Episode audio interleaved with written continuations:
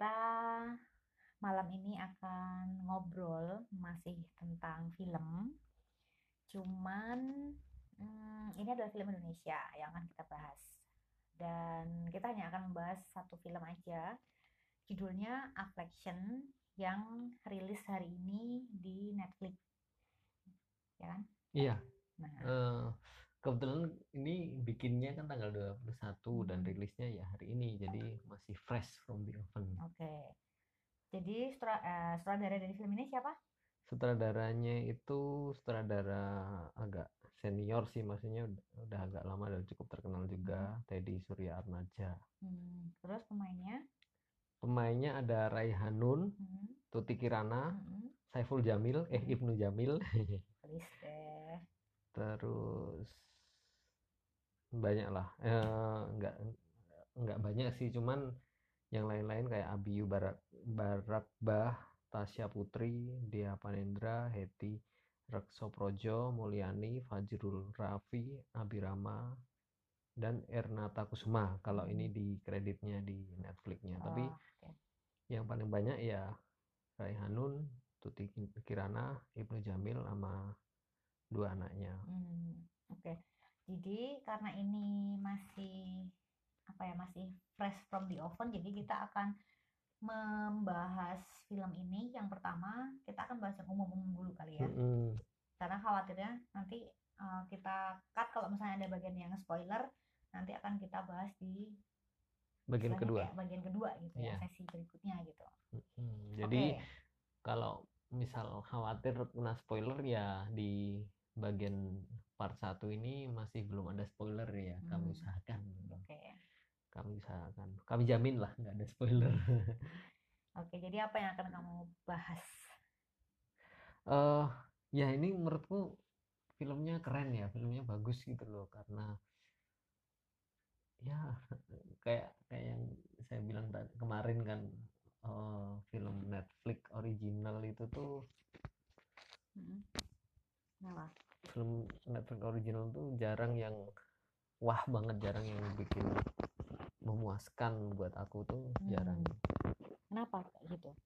eh ya banyak yang nggak bagus aja tapi kali ini bagus gitu loh aku Hmm. suka terus filmnya dan dan pertama kali ya seperti kemarin tuh kita kan nonton berdua ini Hmm. kita nontonnya nggak pakai nggak pakai apa namanya nggak pakai nonton trailernya nggak Hmm. pakai sinopsisnya udah kita Ya. tonton aja ternyata memuaskan gitu loh Hmm. jadi ceritanya aku cerita aja ya sinopsisnya itu tentang suami istri dia punya Hmm. dua anak eh si istri itu baru saja kehilangan ibunya Hmm. terus nah terus si bapak yang dibintangi oleh Ibnu Jamil jadi ntar mohon koreksi ya namanya Ibnu Jamil bukan Saiful Jamil aku tuh sering banget ya walaupun aku suka sama Ibnu sama Ibnu Jamil. Jamil peran-perannya itu kan selalu bagus tapi entah kenapa kok dalam apa namanya di Benakmu.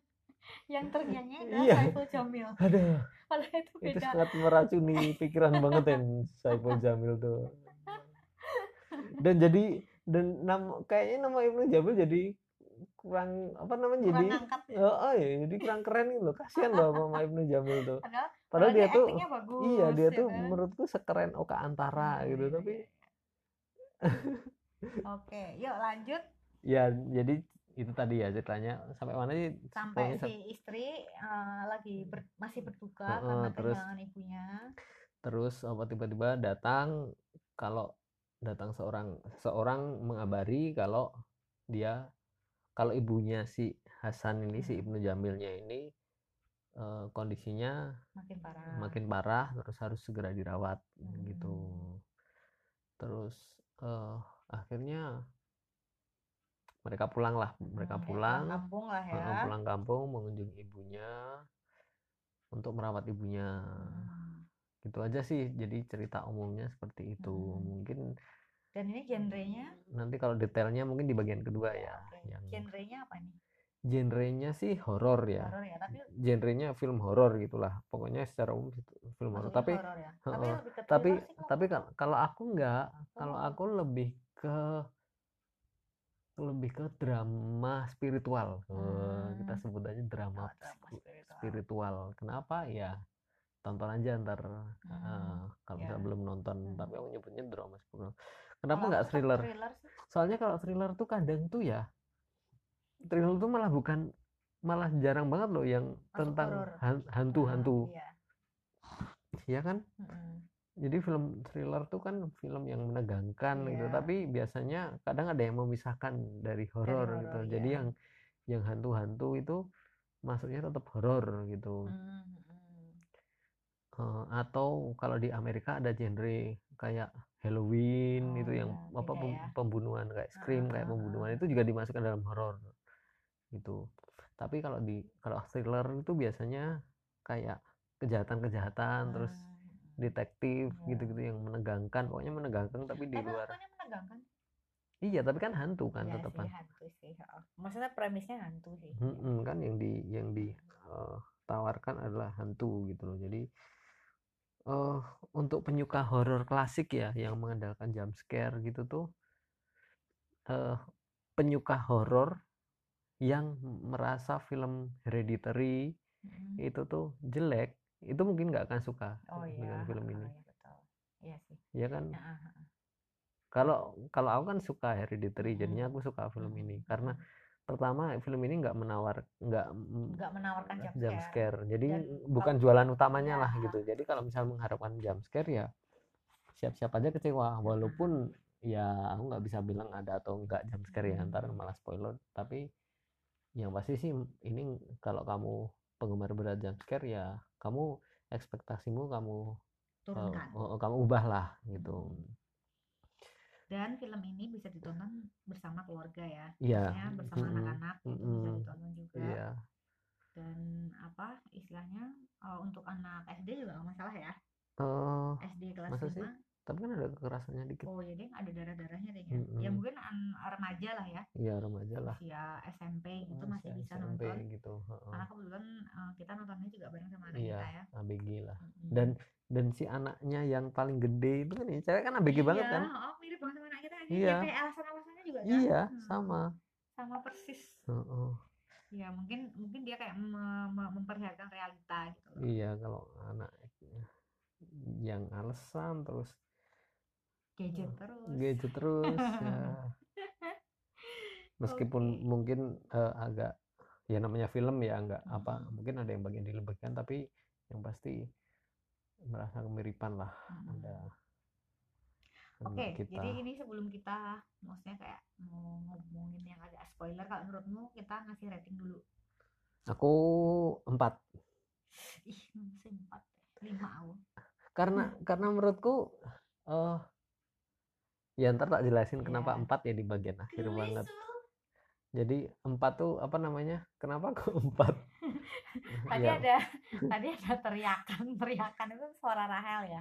Jadi- Kedengeran atau enggak aku nggak ngerti. jadi bentar. jadi apa namanya eh kenapa empat kalau menurutku karena ini film Indonesia yang agak beda gitu loh karena kalau kita lihat ya film Indonesia ya pengennya yang laris ya udah apa namanya masang aktor-aktor yang eh, apa namanya aktor-aktor yang Influencer. followernya banyak di media sosial jadi udah pasti followernya pasti nonton gitu gitu kalau misal horor ya banyakin aja jump scare jump scare-nya banyakin aja ntar hantu-hantunya. Heeh, terus ntar dikasih bumbu-bumbu apa namanya agama-agama gitu wah Ah, pasti iya. itu udah laris. laris itu kayak apa film horor Hmm. lain lah gitu atau ntar ada gimmick-gimmick apa dikasih gimmick-gimmick nah ini ini nggak ada gimmick-gimmick apa pun ya nggak ada gimmick Mm-mm. apa pun bahkan Dan masukku natural gitu loh, natural Mm-mm, banget gitu. loh. mm-mm. Maksudnya eh, dari segi ceritanya dia natural. mm-mm, Terus kayak apa? eh, pengambilan gambarnya juga mm-mm, sederhana ya. mm-mm. dan Maksudnya, dan apa namanya eh eh, jadi konfliknya itu kayak kayak di- dari awal tuh ya diceritakan dulu gitu loh kan eh, kayak si profesi bapaknya, Hmm. ibunya kenapa seperti ini, latar belakangnya. Jadi kayak kayak beberapa beberapa konflik itu emang dipupuk dari awal enggak ya terus nggak yang karena tiba-tiba gitu kan karena enggak ini film horor harus nakutin ya udah dari awal langsung dikasih horor-horor gitu Hmm.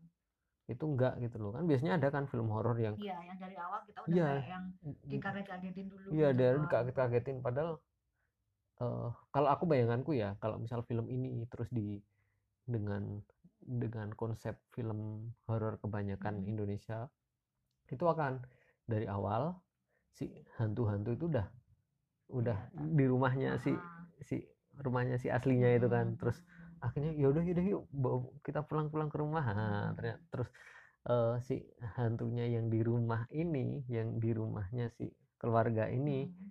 itu ternyata dari dari hantunya yang dari tempat ibunya Oh, yang ya, yang istilahnya yang kayak ngasih ngasih tanda pertanda- gitu pertanda atau gitu. nyuruh pulang gitu kan biasanya kan kayak gitu Hmm. kan nah ini enggak gitu loh Iya sih, maksudku ceritanya Jadi, tuh simpel banget. heeh. Kemudian eh, penggambaran tokohnya itu juga smooth ya. Heeh. Maksudnya eh, penggambaran hubungan antar tokohnya tuh juga juga masuk akal gitu loh. Mm-mm. Kayak gitu.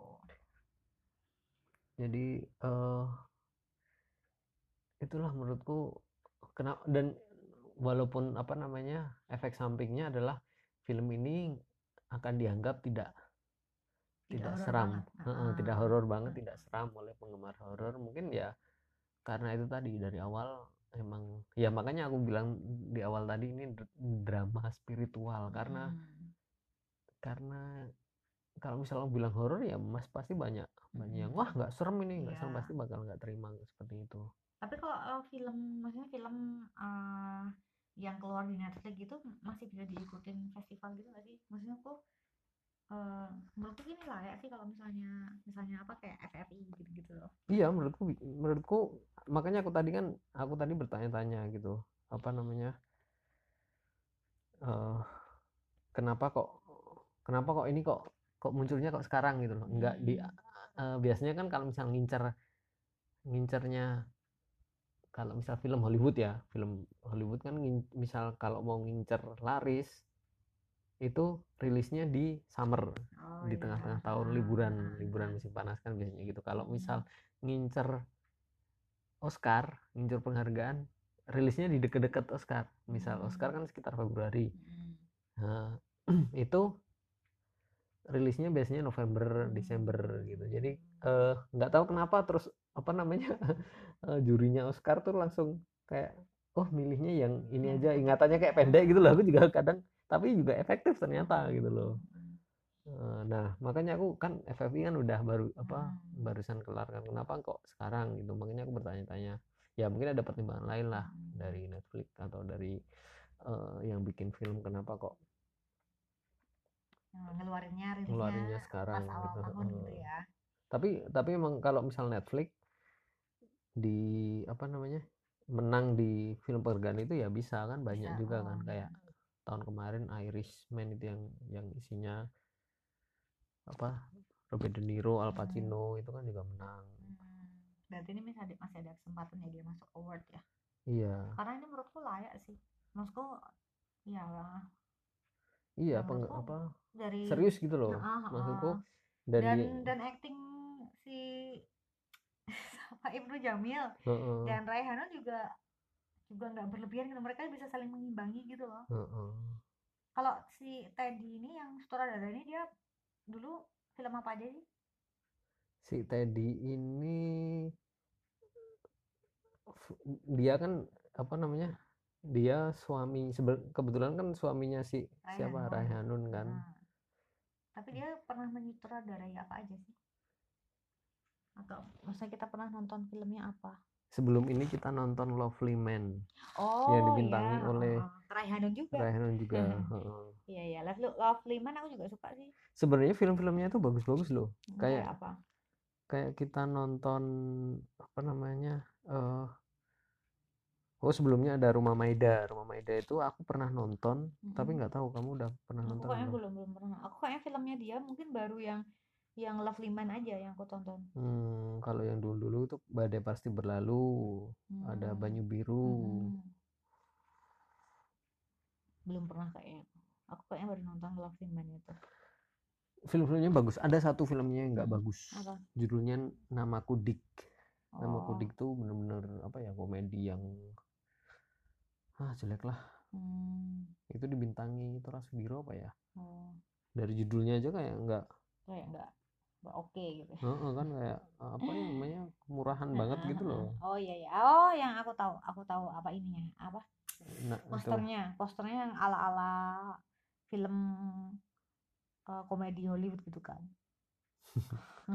Iya sih aku juga nggak Heeh. nggak ini banget. Dari posternya udah nggak nggak tertarik sih aku kalau film itu oke jadi nih kita udah ngomongin yang umum ya kamu ngasih rating 5 eh kamu ngasih rating 4 aku ngasih rating 5 kamu sama lima. Ya soalnya aku suka sih maksudnya eh apa ya Em, karena kan sebenarnya aku penakut toh. Tapi tapi aku eh, nonton di film ini tuh pas gitu loh. Buat aku iya cukup menakutkan Hmm, tapi nggak lebay. Hmm, hmm, terus apa ya eh, minim jump scare hmm. gitu tapi menegangkan juga gitu Iya, iya. Nah, Oke, gitu. oke ya. jadi lanjut. buat eh, pendengar rumah pohon jambu eh, kita akan memasuki sesi spoiler ya. Iya. Jadi kalau misalnya kalian belum nonton film ini dan atau ber- atau keberatan dengan spoiler lah. Mm-mm, soalnya ada tuh teman kita yang dia nggak keberatan dengan spoiler gitu. Aku itu. Enggak. Ada tuh inisialnya Yogi. Itu bukan inisial nah itu Enggak, jadi kalau misalnya teman-teman merasa, aduh, aku belum nonton dan aku nggak mau denger spoiler, mungkin stop sampai di sini aja Heeh, gitu. Karena atau kita bak akan akan ada spoiler dikit nih di habis sesi ini. berikutnya gitu ya. Mm-mm, Nah, tapi kalau misalnya kalian merasa, oh oke nggak apa-apa mau dengerin ya udah nggak apa-apa gitu ya. Mm-mm. Tapi kita udah ngasih warning duluan Mm-mm, loh. Jadi kalau misalnya kalian mau berhenti di sini ya udah berhenti aja di sini Mm-mm. gitu. Karena kita Udah. akan spoiler. Mm-mm. Yeay, yeay, spoiler, spoiler. iya ya Oke, kamu lanjut dong. eh tapi ng- ngasih spoiler tuh enak gak sih menurut kamu Ah, kalau aku nggak keberatan sih dengan spoiler. tapi ngasih spoiler juga nggak beratan Enggak, soalnya kalau misal dulu ya, dulu tuh aku juga apa namanya spoiler tuh ya ya kalau dapet spoiler tuh apes saja gitu loh. Ah. Tapi nggak terus kalau sekarang kan orang-orang pada kalau ngasih spoiler, apa kena spoiler pada marah-marah kalau aku ya udah Iya. apes. Udah terlanjur gitu ya. eh, apalagi kalau misal serial Mm-mm. yang aku nontonnya Telat.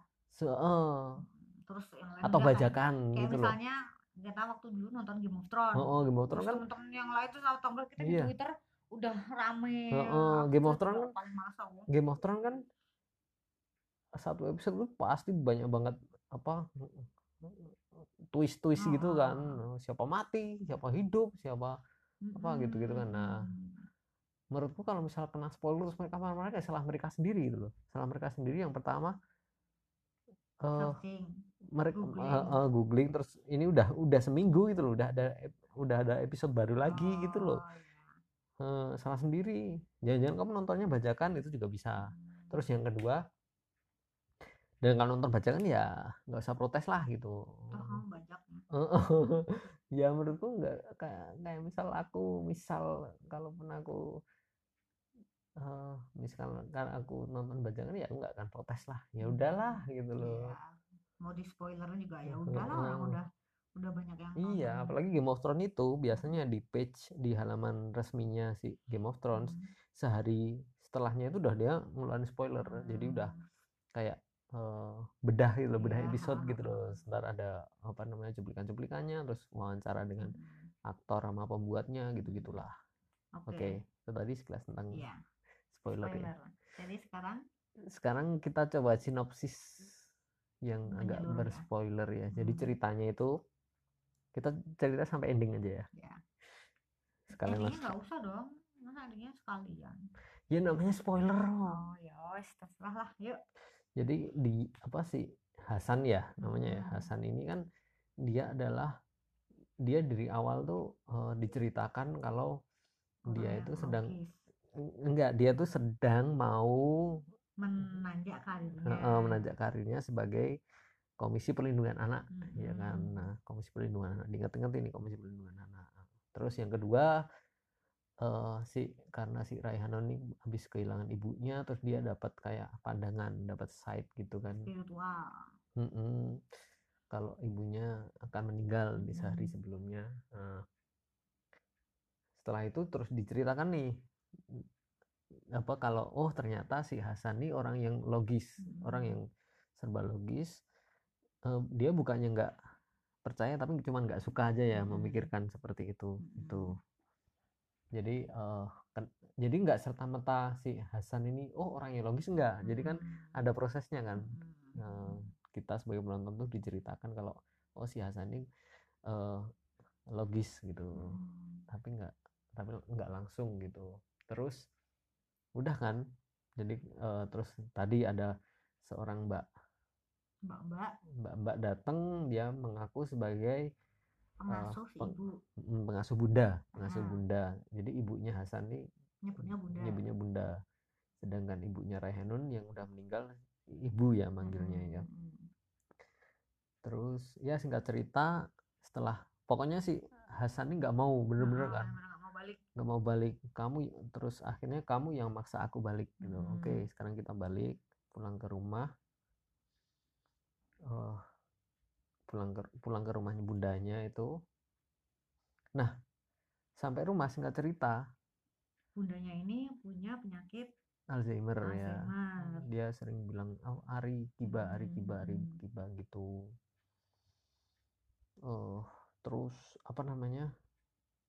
Ya apa terus akhirnya mereka apa si bunda ini ternyata nggak tahu kan si mbak siapa tadi mbak Narti apa mbak Narsih apa tadi mbak Narsi apa mbak Arsi yang Hmm. yang si nah itu kalau kalau emang kerja di situ gitu kan nah kita tapi aku jadi bertanya-tanya motifnya mbak Nars tadi Mm-mm. datang ke mm-mm, rumahnya si mm-mm, Hasan di Jakarta Mm-mm, kenapa gitu mm-mm. kan aku juga pertama itu Eh, tapi masalahnya kalau aku tadi waktu waktu kepikiran hah mbak Narsi siapa gitu kan Mm-mm. Nah, kita sebagai penonton pasti berpikiran kan kalau Hmm. itu tuh ah paling ini ibu bundanya lagi kumat Ah, Alzheimernya ah, kita, iya. kita pasti kayak gitu tapi apa itu benar atau enggak ya nantilah kalian Hmm. tonton sendiri jawabannya akan ada nah Mbak Warsih ini yang datang ke tempatnya si Hasan ini juga nggak tahu kan dia Mbak Warsih Hmm. beneran atau enggak iya betul Ah, kan juga nggak diceritain Hmm. juga Hmm.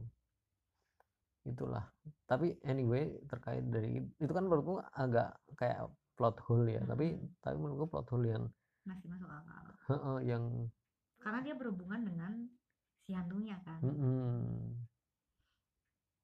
makanya jadi apa namanya ada sebuah plot hole di situ loh kenapa Hmm. kok datang ke rumah Hasal tapi ya kita bisa lah kita bisa mereka-reka sendiri kenapa kok di situ Hmm. itu sebenarnya bisa gitu loh Hmm. misal karena itu sebenarnya hantu. Mm, atau memang dia tuh emang kerja di sama ibunya. Heeh, karena kan terus- waktu waktu si Raihanun cerita tadi si Narsih atau apa tadi datang heeh, terus ah dat Narsih? Ya udah kamu kalau dia datang kasih uang aja gitu kan. Heeh, jadi kan seolah-olah emang si Hasan ini kenal gitu. Heeh. itu juga bisa lah. Mm. terserah terserah penonton sama Nah, terserah meng- sutradaranya. menginterpretasikan ya. Mm-mm. terus endingnya nih jadi eh, endingnya menurutku kan eh endingnya itu kayak kalau kamu tadi kan nggak puas kan dengan endingnya aku gitu. nggak puas dengan endingnya. sih. karena ternyata ada jahat di situ. Nah Mm. kalau menurutku itu masuk akal. Masuk akal kenapa? Masuk akal menurutku gini tak jelasin. Udah tak jelasin kan tadi. Kalau menurutku masuk akal karena eh, kayak produser mungkin ya produser atau kurator apa siapa gitu bilangnya ini film butuh antagonis gitu loh Oh. jadi ketika misal endingnya bukan seperti itu misal endingnya yang kamu bilang apa namanya si Hasannya itu kayak apa namanya kayak itu tuh cuman kecelakaan terus Hmm, semu- semua niatnya baik kan ah. kayak kalau misal ending yang yang kamu bilang itu misal semua baik gitu loh si Hasan ter- ternyata cuman kecelakaan seperti itu ibunya juga cuman karena sayang sama Hasan Mm. terus Iya. Ya nggak ada nggak ada orang jahat lah di situ Mm. gitu tapi kenapa dis- dibikin seperti itu mungkin karena emang emang si Hasan emang si kita harus butuh kita butuh antagonisnya Oh. gitu makanya kayak gitu terus yang kedua kan kamu tadi bilang kenapa endingnya nggak dia pergi ke dia pergi ke kota terus ngajak orang kampung gitu kan Hmm. itu bisa juga gitu dan dan itu menurutku eh, aman gitu loh yang paling aman dan akan dan bahkan mainstream dan yang akan di yang akan dimaui oleh banyak penonton kan seperti itu kan. Misal kita lihat aja apa namanya eh, apa namanya horor-horor klasik kan seperti itu kan.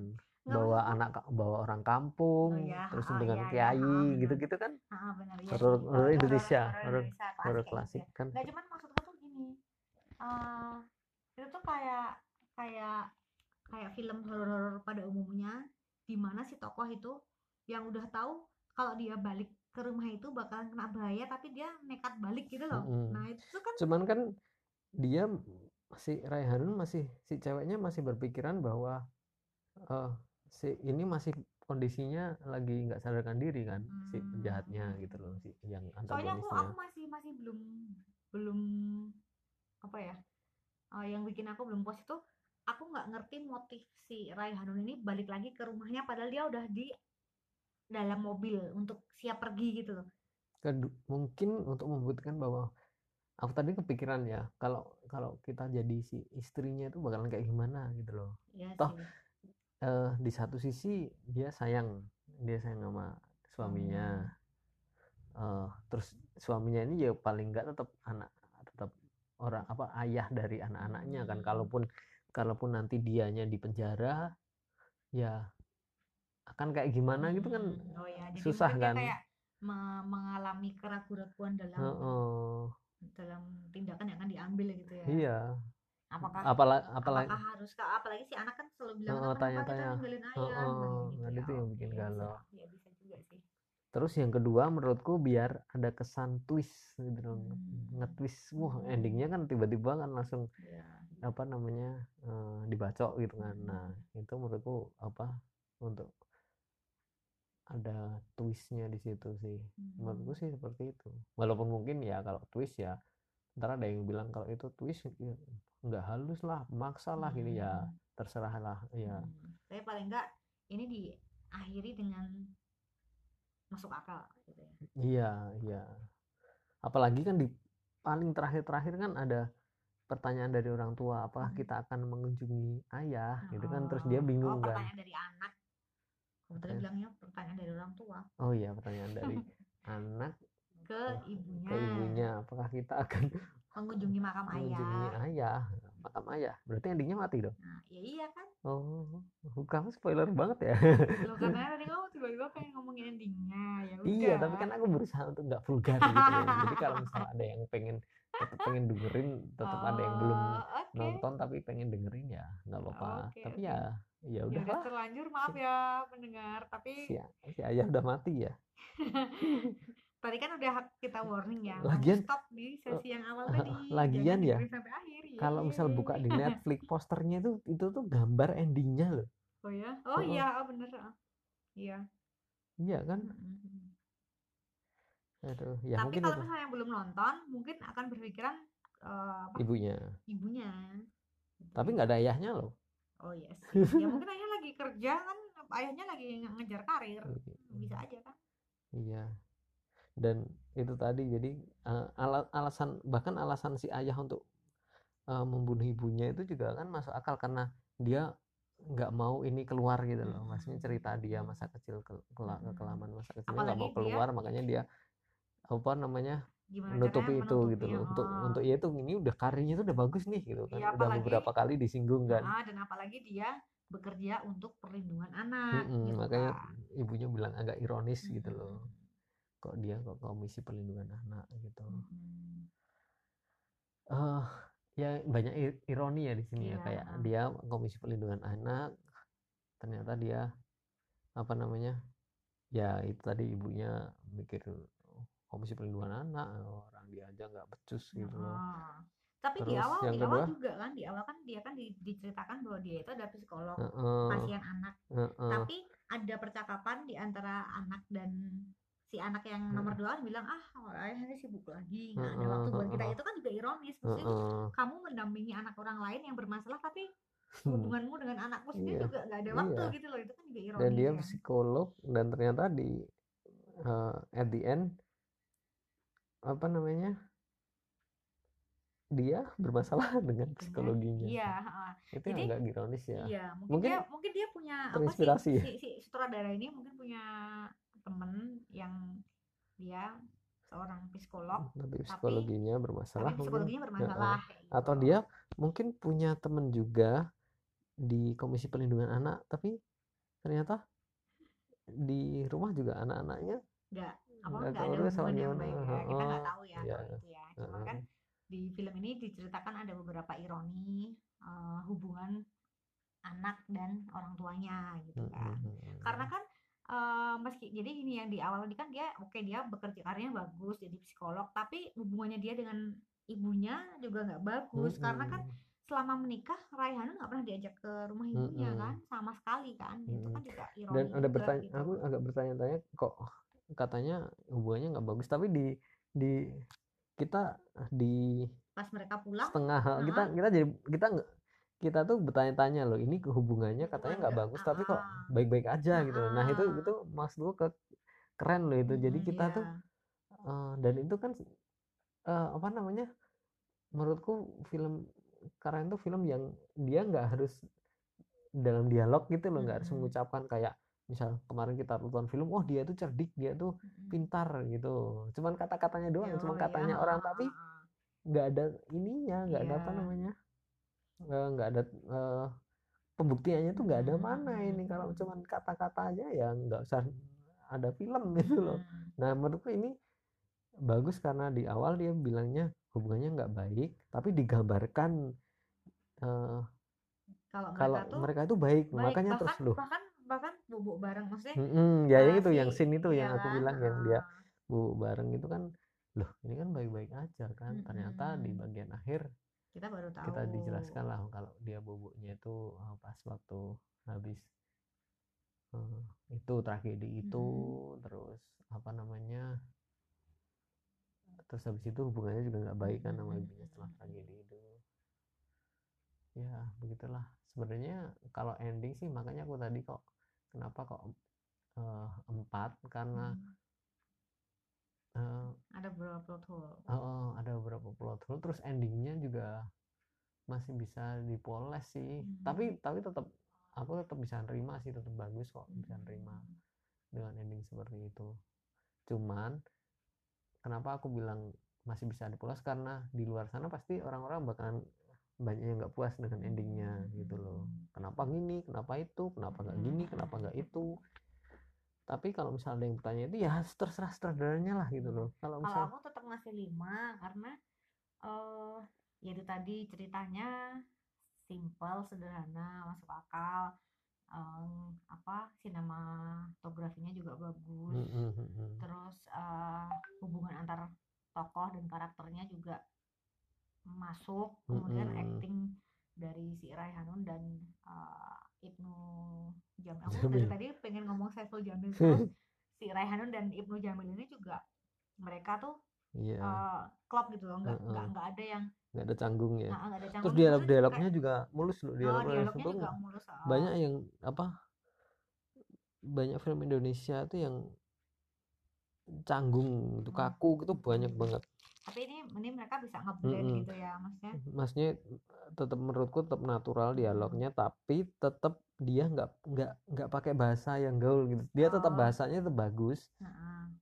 bahasa keluarga tapi tapi tetap uh, soft gitu tetap Hmm, natural heeh. menurutku sih bagusnya itu di dialog dialognya itu Hmm. juga keren Oke, jadi untuk mengakhiri podcast kita, film Mm-mm. ini sangat layak ditonton, ya kan? Mm-mm, mm-mm, Rekomen mm-mm. untuk ditonton Hmm. Iya. bersama keluarga. Heeh. Terus juga dia menggambarkan apa namanya eh itu loh kondisi alamnya Oh ya, setting heeh, apa setting tempatnya setting ya. tempatnya kan bagus kan Bagus, kayaknya ya. di Wonosobo ya kalau tebakan tebakanku sih Soalnya dia Wonosobo ada mie ongklok, ada mie ongklok ada ada geblek geblek, kan biasanya Jawa Tengah. Jawa Tengah Kulon Progo Purworejo Mhm. atau Wonosobo kan Hmm. terus ada kayak ngapak kan Iya po, apa po? tadi maksudnya ngapaknya nggak ngapak eh, kayak kayak logat kayaknya yang Hmm. si penjual penjualnya itu loh bapaknya itu loh Oh, penjual aku warung nggak terlalu dengerin logatnya sih cuman kayaknya sih cuman lupa aku memang apa eh, dia kayak di pegunungan Mm-mm, tinggi gitu ya mm-mm. terus kayak gitu. Di kalau nggak di Yeng mungkin ya Mm-mm. tapi ada gunung ada gunung kan Hmm, bisa hmm, juga itu gunung Sindoro atau Sumbing kan Mm-mm. tapi nggak kembar sih mungkin ya kalau di Dieng kan di Dieng yang kelihatannya gunungnya kan ya nggak tahu cuma satu kayaknya oh, iya, ya iya. mungkin di Dieng sih Wonosobo Hmm, mungkin pokoknya pokoknya keluhnya itu pokoknya dia kemungkinan di Jawa nasi Tengah nasi ya. apa megono pertama nasi Ah. megono kemudian mie ongklok Heeh. terus ada geblek terus Ah. ada tempe kemul orang-orang Oh, nyebut tempe kemul itu pasti Jawa Tengah. Hmm, ya kan? Nah, waktu adegan makan itu ya ah, wah dengan makan. nasi megono Ah, itu oh, bayangin nasi megono jadi pengen aku. Mie ya? megono aku nggak bisa bikin soalnya. Oke lah ya. Heeh. Eh, film ini sangat rekomen Heeh. banget untuk ditonton dan Iya. eh, ya padet lah ya pokoknya padat heeh, dan eh, kita layak untuk memberikan apresiasi yang eh, tinggi untuk sutradara dan para pemainnya gitu. Iya, karena ini kan juga sutradara per- plus penulis naskah ya iya. penulis skenario nya juga sama Masa kayak sih? di tadi kamu tahu? iya tadi aku lihat baca di itu bawahnya coba kayaknya ada penulis naskah Oh bukan iya. ya. Oke, itu dulu review film um, Affliction. Affliction. Affliction. Affliction. Nah, aku agak susah. Ini Kalau dalam bahasa affliction Indonesia ya? pulang, walaupun affliction affliction itu kalau ditranslatekan bukan pulang, tapi nggak tahu kenapa kalau judul bahasa Indonesianya pulang, Oh, judul judul bahasa bahasa- Indonesianya pulang, judul bahasa Inggrisnya Affliction. affliction. Padahal affliction kalau di Bahasa Inggris di bahasa Inggris sih bukan pulang, apa? artinya? sesuatu yang yang apa menyebabkan sakit atau menderita gitu. Affliction. Oh, Jadi sesuatu sebuah apa namanya eh, kondisi yang apa namanya itu menyebabkan kayak teringat lagi dengan trauma atau gimana? ya pokoknya yang menderita gitu loh kayak misal nggak punya duit nah, Itu atau menderita. korupsi itu kan sebuah affliction gitu Ah, loh. ah, oke. jadi Tapi maksudku itu masuk dan itu kondisi-kondisi jadi eh, kondisi korupsi menyebabkan affliction atau eh, apa namanya kemiskinan orang Mm-mm. miskin eh, dalam affliction kalau di bahasa Indonesia kan kalau di ditranslatekan dalam bahasa Indonesia jadi penderitaan atau kesusahan Oh, Oke. itu Ya tapi sebenarnya kalau misalnya apa, maksudnya kalau dalam bahasa Inggris mungkin dia bisa menggambarkan keseluruhan mm, ya eh, cerita ya. Cuman Heeh. kan kalau misalnya dalam bahasa Indonesia mungkin akan susah kan misalnya kita Heeh. akan tulis kesusahan atau kes- penderitaan. penderitaan itu kan kesusahan pe- bukan juga kan? Kayak- Heeh, kalau nonton gitu, filmnya bukan juga kesusahan. Tapi kalau menurutku penderitaan juga juga enggak karena mereka nggak menderita karena image kita kalau menderita ya bukan seperti itu gitu loh. Kalau susah ya bukan seperti itu juga. Makanya terus akhirnya eh, apa namanya diganti dengan pulang itu ya karena, karena ya karena lebih ya memang pulang. heeh, iya kan? lebih Kayak misalnya kamu lebih pulang ke ke keluargamu, kamu pulang ke rumah ibumu, kamu pulang ke Mm-mm. pulang kampung, pokoknya itu pulang gitu loh. Jadi menurutku sih oke. Oke lah ya, kita jadi nggak jadi nutup nih. oke Oke, sekian dulu podcast edisi review film Affliction kali ini. Selamat menonton. Bye. Bye.